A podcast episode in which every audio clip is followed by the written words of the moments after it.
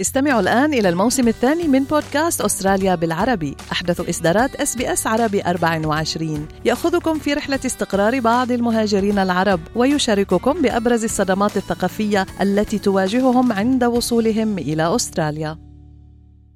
أنتم مع إس بي إس عربي 24 استمعوا إلى آخر إصداراتنا بودكاست الهوية. مع بدء العام الدراسي الجديد في أستراليا قد يشعر كثير من الأطفال بقلق وتوتر من العودة للصف مجددا.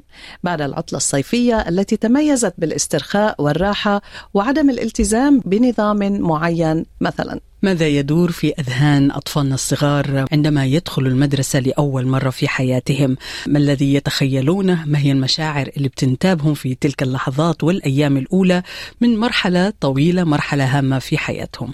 نعم، هل هو توتر عادي أم أنه يدخل أيضا في نطاق ما يعرف بقلق الانفصال عن الأهل والعائلة؟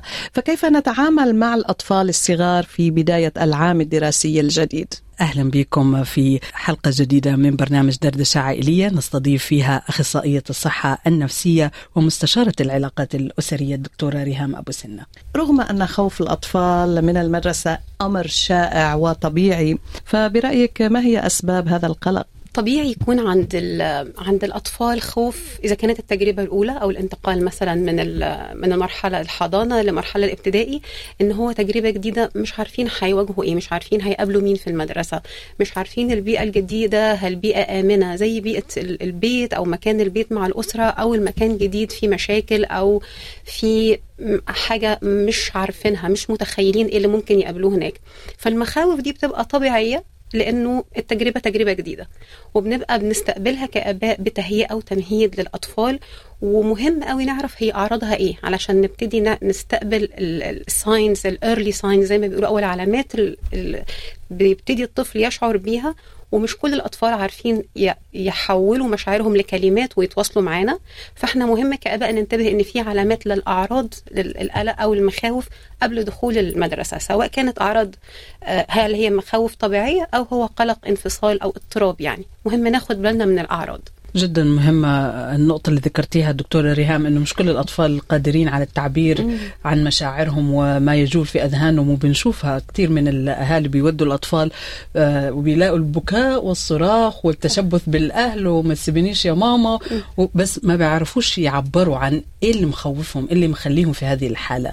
آه، البعض قد يقول أنه هل هناك فرق بين القلق العادي والخوف العادي أو ما يعرف ببعض آه، الحالات من القلق المرضي؟ منها يمكن الأشهر قلق الانفصال اللي هو the separation anxiety disorder.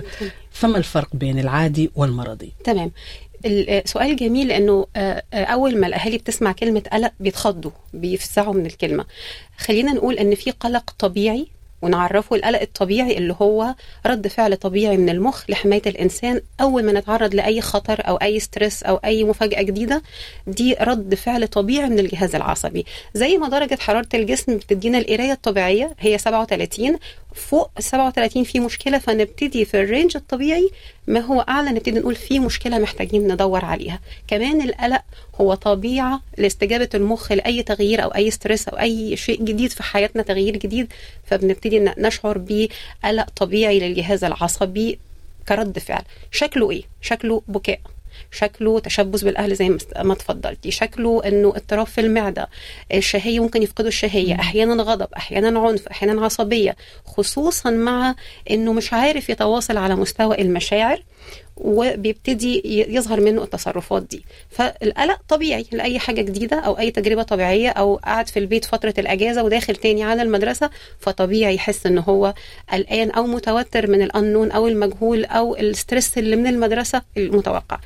قلق الانفصال أو ال disorder ده اضطراب. إمتى بنقول عليه اضطراب أو بيتحول القلق الطبيعي لمشكله لما بيبتدي يكون مش بس بيحصل في المدرسة لما بيبتدي ينتقل لكل الحياة في المدرسة وفي البيت وفي وفي النادي ومع أصحابه وخلاص مش قادر يطلع بره حيز القلق. حتى لما بينام بيشوف فيه كوابيس حياة بتتعطل. هنا بيتحول لاضطراب محتاجين نعرف المخاوف دي تحتيها إيه لأنه إذا كانت ده signal أو عرض أو رد فعل من المخ طبيعي طب يا ترى هو واحد عند كل الأطفال ولا مختلف؟ لا الحقيقة مختلف وكل طفل عنده أسباب غير الثانية نعم. طيب لنتحدث اذا عن هذه الأسباب. يعني ممكن يكون الطفل فعلا عم بيعبر عنها بكثير من الأعراض. كما قلتي بكاء انعزال خوف يعني كثير أمور تنعكس حتى جسمانيا يعني جسديا عليه. فما هي الأسباب؟ لماذا نرى أحيانا فعلا يعني طفل يقبل على الحياة يقبل على الذهاب إلى المدرسة وبيكون فرحان وما في عنده أي خوف وطفل تاني بالعكس يعني مرعوب وعنده رهاب المدرسة. تمام. اولا ممكن يكون الطفل عنده تجربة في تجربة خاصة في في المكان في المدرسة اتعرض لتحرش اتعرض لعنف بيتعامل معاملة سيئة من المدرس عنده تجربة بناء عليه يعني أدى إلى إن هو يبقى مش حابب وعنده رهاب المدرسة وخايف يروح. خصوصا لو ما ما, ما اتكلمش عن المشكلة بشكل آه يعني اوبن قوي مع الأهل وعرف حد إن عنده مشكلة. ممكن يكون آه سبب من الأسباب اللي, اللي الطفل ي ي من المخاوف يعني إنه أساليب التربية أحيانا من الأهل بتكون حماية زايدة. فبيكون القلق عبارة عن إنه هو آه تعدى من إن ماما قلقانة قوي فنقل شعور ماما من القلق أخده منها لأنه ده ال coping mechanism إحنا بنتعلم مع الطفل بيتعلم مننا إزاي يتكيف ويتعامل مع الوضع. لو الأهل عندهم أساليب خاطئة في التربية حماية زايدة آه والأم عندها قلق أو مخاوف زيادة ده بيتنقل للطفل بشكل طبيعي فالطفل بيكون آه بناء عليه بيتعامل على بالمخاوف دي. في حاجة كمان مهمة في القلق الأطفال لو عندهم إخوات أكبر في المدرسة مثلا في مرحلة إعدادي أو مرحلة أكبر وبيشوف أخواته الكبار مش عايزين يروحوا المدرسة أو قلقانين من الامتحانات أو مش فاهم إيه اللي بيحصل. فكمان ال environment أو ال behavior اللي موجودة في البيت من الكبار طب هم الكبار خايفين امال أنا هعمل إيه؟ صحيح. فبيروح قلقان. بينعدوا من الإخوة الجو العام. الكبار الجو العام. أيوه. أيوه عشان كده التهيئة بتكون تهيئة أسرة مش تهيئة فرد. جميل جدا. متى تخرج حالة قلق الانفصال أو ال separation anxiety disorder عن عن قدرة الأهل على التعامل معها؟ ومتى يجب اللجوء للمختصين؟ متى يجب اللجوء للمدرسة للتعامل معها؟ ما نصيحتك لمن يلاحظ في طفله هذه الأعراض خاصة أنها أصبحت لا تقتصر فقط على المدرسة لكن كما ذكرت بجوانب مختلفة والحياة تعطلت فعلا؟ تمام. أول حاجة بسأل الأهل أو بطلب منهم يكونوا آه هل أنا عندي مشكلة؟ هل أنا كأب أو أم أنا عندي مشكلة مش مشاكل القلق؟ أنا عندي مشكلة نفسية أو حاجة معطلاني أنا وبناء عليه ابني مش عارف يتعامل مع المخاوف أو مع المشاكل النفسية أو لأ. آه تاني نقطة بطلب مع مع الأهل إن هم علموا ولادكم إن القلق sign للمخ طبيعي وفي hand brain model ده بقول الأهل دي حاجة يعني موديل بنتعلم عليه إزاي مخنا بيستجيب للمخاوف أو ال stress دكتور دانيال سيجل ممكن نحطه إن شاء الله للمستمعين أو المشاهدين علشان يعلموه للأطفال. فببتدي أنا أساعد الطفل يتعلم already عن قلق والمخاوف الخاصة بيه. طيب الموضوع زاد عن حد التعامل ومش عارفين يعملوا مانجمنت ويلجأوا المختص أول ما يبتدي ده يتكرر من الطفل. ما تستنوش على الطفل كتير. يعني لو أنتوا فقدتوا التواصل معاهم وخلاص مش عارفين تعملوا أي حاجة جديدة ما تستنوش لحد ما القلق العادي يتحول لاضطراب والقلق العادي يتحول لاضطراب لو استنينا عليه أسبوعين ثلاثة ونقول هياخد على المدرسة. لو الحياة متعطلة جوه المدرسة وبره المدرسة وفي العلاقات حوالين الطفل من فضلكم الجأوا الأول لل social worker أو ال counselor في المدرسة نعم. أو تلجأوا المختص عشان يساعدكم تساعدوا الطفل. نعم. إزاي بحب أعرف من حضرتك دكتورة ريهام شو بيمر ببال الطفل الصغير لما بيكون يعني مثلا منتظر أهله تيجوا ياخدوه أو إنه هيدا القلق من الانفصال ال separation anxiety شو بيكون عم بمر بباله؟ يعني كطفل صغير مثلا متعود على أن يكون بحضن الأم ببيئة العائلة الدافئة الحنونة ولكن بنعرف إنه يعني نظام المدرسة بأستراليا كمان ساعات طويلة يعني م. ربما للساعة ثلاثة ونص بعد الظهر فشو بيكون عم بمر بباله بهالساعات الطويلة هاي خلال النهار أول حاجة ممكن يقول أنا هيحصل لي إيه؟ إيه اللي جاي؟ يعني بيحس بأنه هو الأمان كله في وجود الأم غالبا بتكون الأم. فبيحس إن هو مش حاسس بالأمان. هو خايف. يا ترى هيحصل إيه؟ المدرسة أو الناس الكبار ال- يعني هو بيشوفنا كجاينت. بيشوف الكبير. كده كأنه. حد عمالقة. اللي عملاق عمالقة. ال- مم. يا ترى هيعملوا فيا إيه وماما مش موجودة؟ لأن الأم رمز الحماية والأمان للطفل.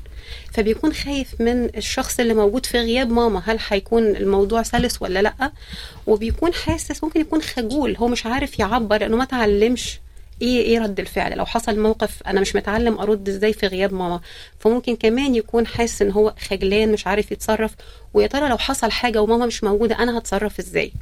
فبيبدأ يخاف ومخاوف تانية من غياب ماما انه أنا مش عارف اتصرف. فهو دايما بيحس ان هو مفيش أمان في غياب ماما أو في غياب الاهل. ده ده اللي بيسيطر على الطفل يقول عشان انت مش موجودة you weren't here. أي أنا كنت الون وبيحس بالوحدة وهو مش مع ماما في الأول لحد ما يبتدي يتكيف مع الوضع. ده بياخد وقت. رجعتي لي قلبي دكتورة ريهام على الأطفال اللي إحنا بنبعتهم كل صباح للمدرسة نأمل أنه يكون البيئة سعيدة وداعمة طبعا. ليهم. لكن كيف نستطيع نحن آه، أن نجعل بالفعل هذه التجربة تجربة إيجابية؟ نحاول نقلل من كل هذه الأعراض وكل هذه المعاناة اللي قد يمر بها البعض. نقول لهم إيه نعمل لهم إيه قبل ما تبدأ المدرسة أو في الأيام والأسابيع الأولى منها. اولا لو لو إحنا هنتكلم مع الولاد ون ونفهمهم إن هو رايح يقابل صحابه إن هو رايح يلعب إن هو رايح يمارس أنشطة إن هو رايح يشوف التيتشر وهيلعب معاهم وإنه المكان أتكلم عنه لازم يصدقني وأنا بتكلم عن المدرسة إن أنا عندي طاقة إيجابية. لازم يصدق تعبيرات وشي وأنا بقول له هتروح تلعب مع صحابك هتروح تشوف ال Miss بتاعتك هتعمل أنشطة جديدة. وبعد المكان بعد ما نروح المدرسة وهنخرج يا ريت الأم تقول له بعد المدرسة هنروح نعمل activity هنروح play date هنروح نعمل حاجة برضه تكون more positive توعدوا يعني بشيء جميل ومعود عليه. بالظبط تربط ال experience بحاجة تانية مفرحة ليه. حاجة تانية مفرحة ليه. بس المهم تهيئ المكان المدرسة بفعلا يعني خبرات إيجابية. عندك صحاب هتشوف صحابك هتلعب هتشوف ال teachers هناك وهتنبسط وتيجي نتكلم بعد المدرسة وهنروح play date أو هنروح نلعب مع بعض. التهيئه أهم حاجة للطفل وخلينا نتفق على حاجة.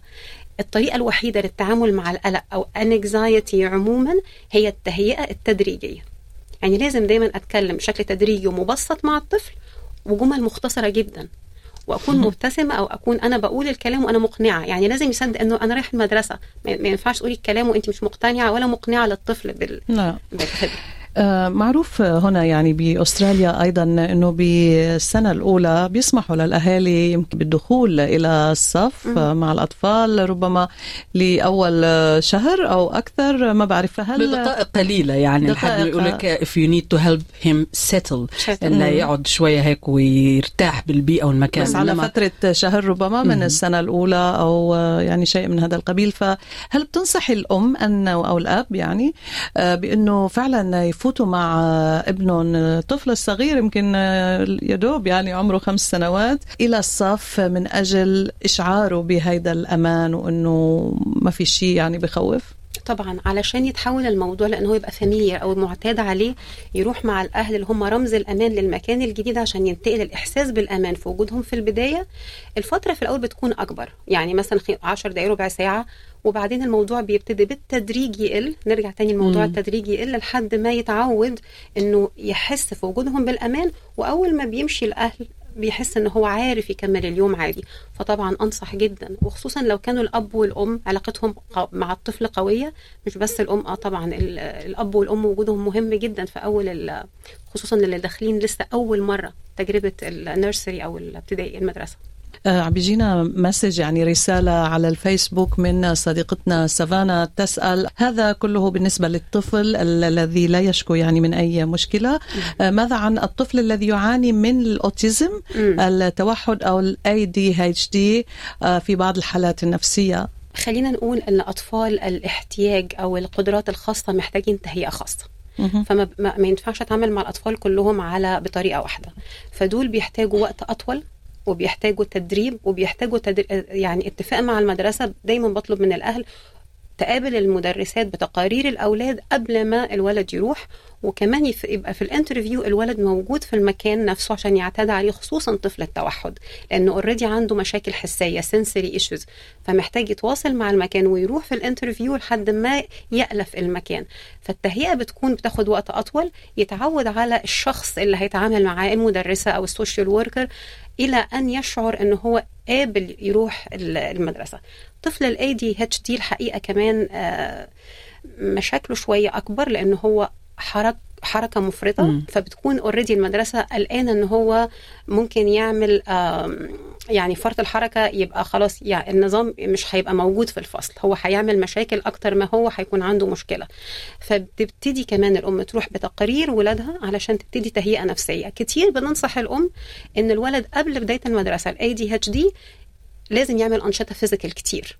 لازم يعتاد إن هو لو هو بياخد مثلا activities زودوا الأنشطة ال- ال- ال physical قبل دخول المدرسة وكمان ال report تروح لل teachers أول ما يبتدي الع- الع- العام الدراسي.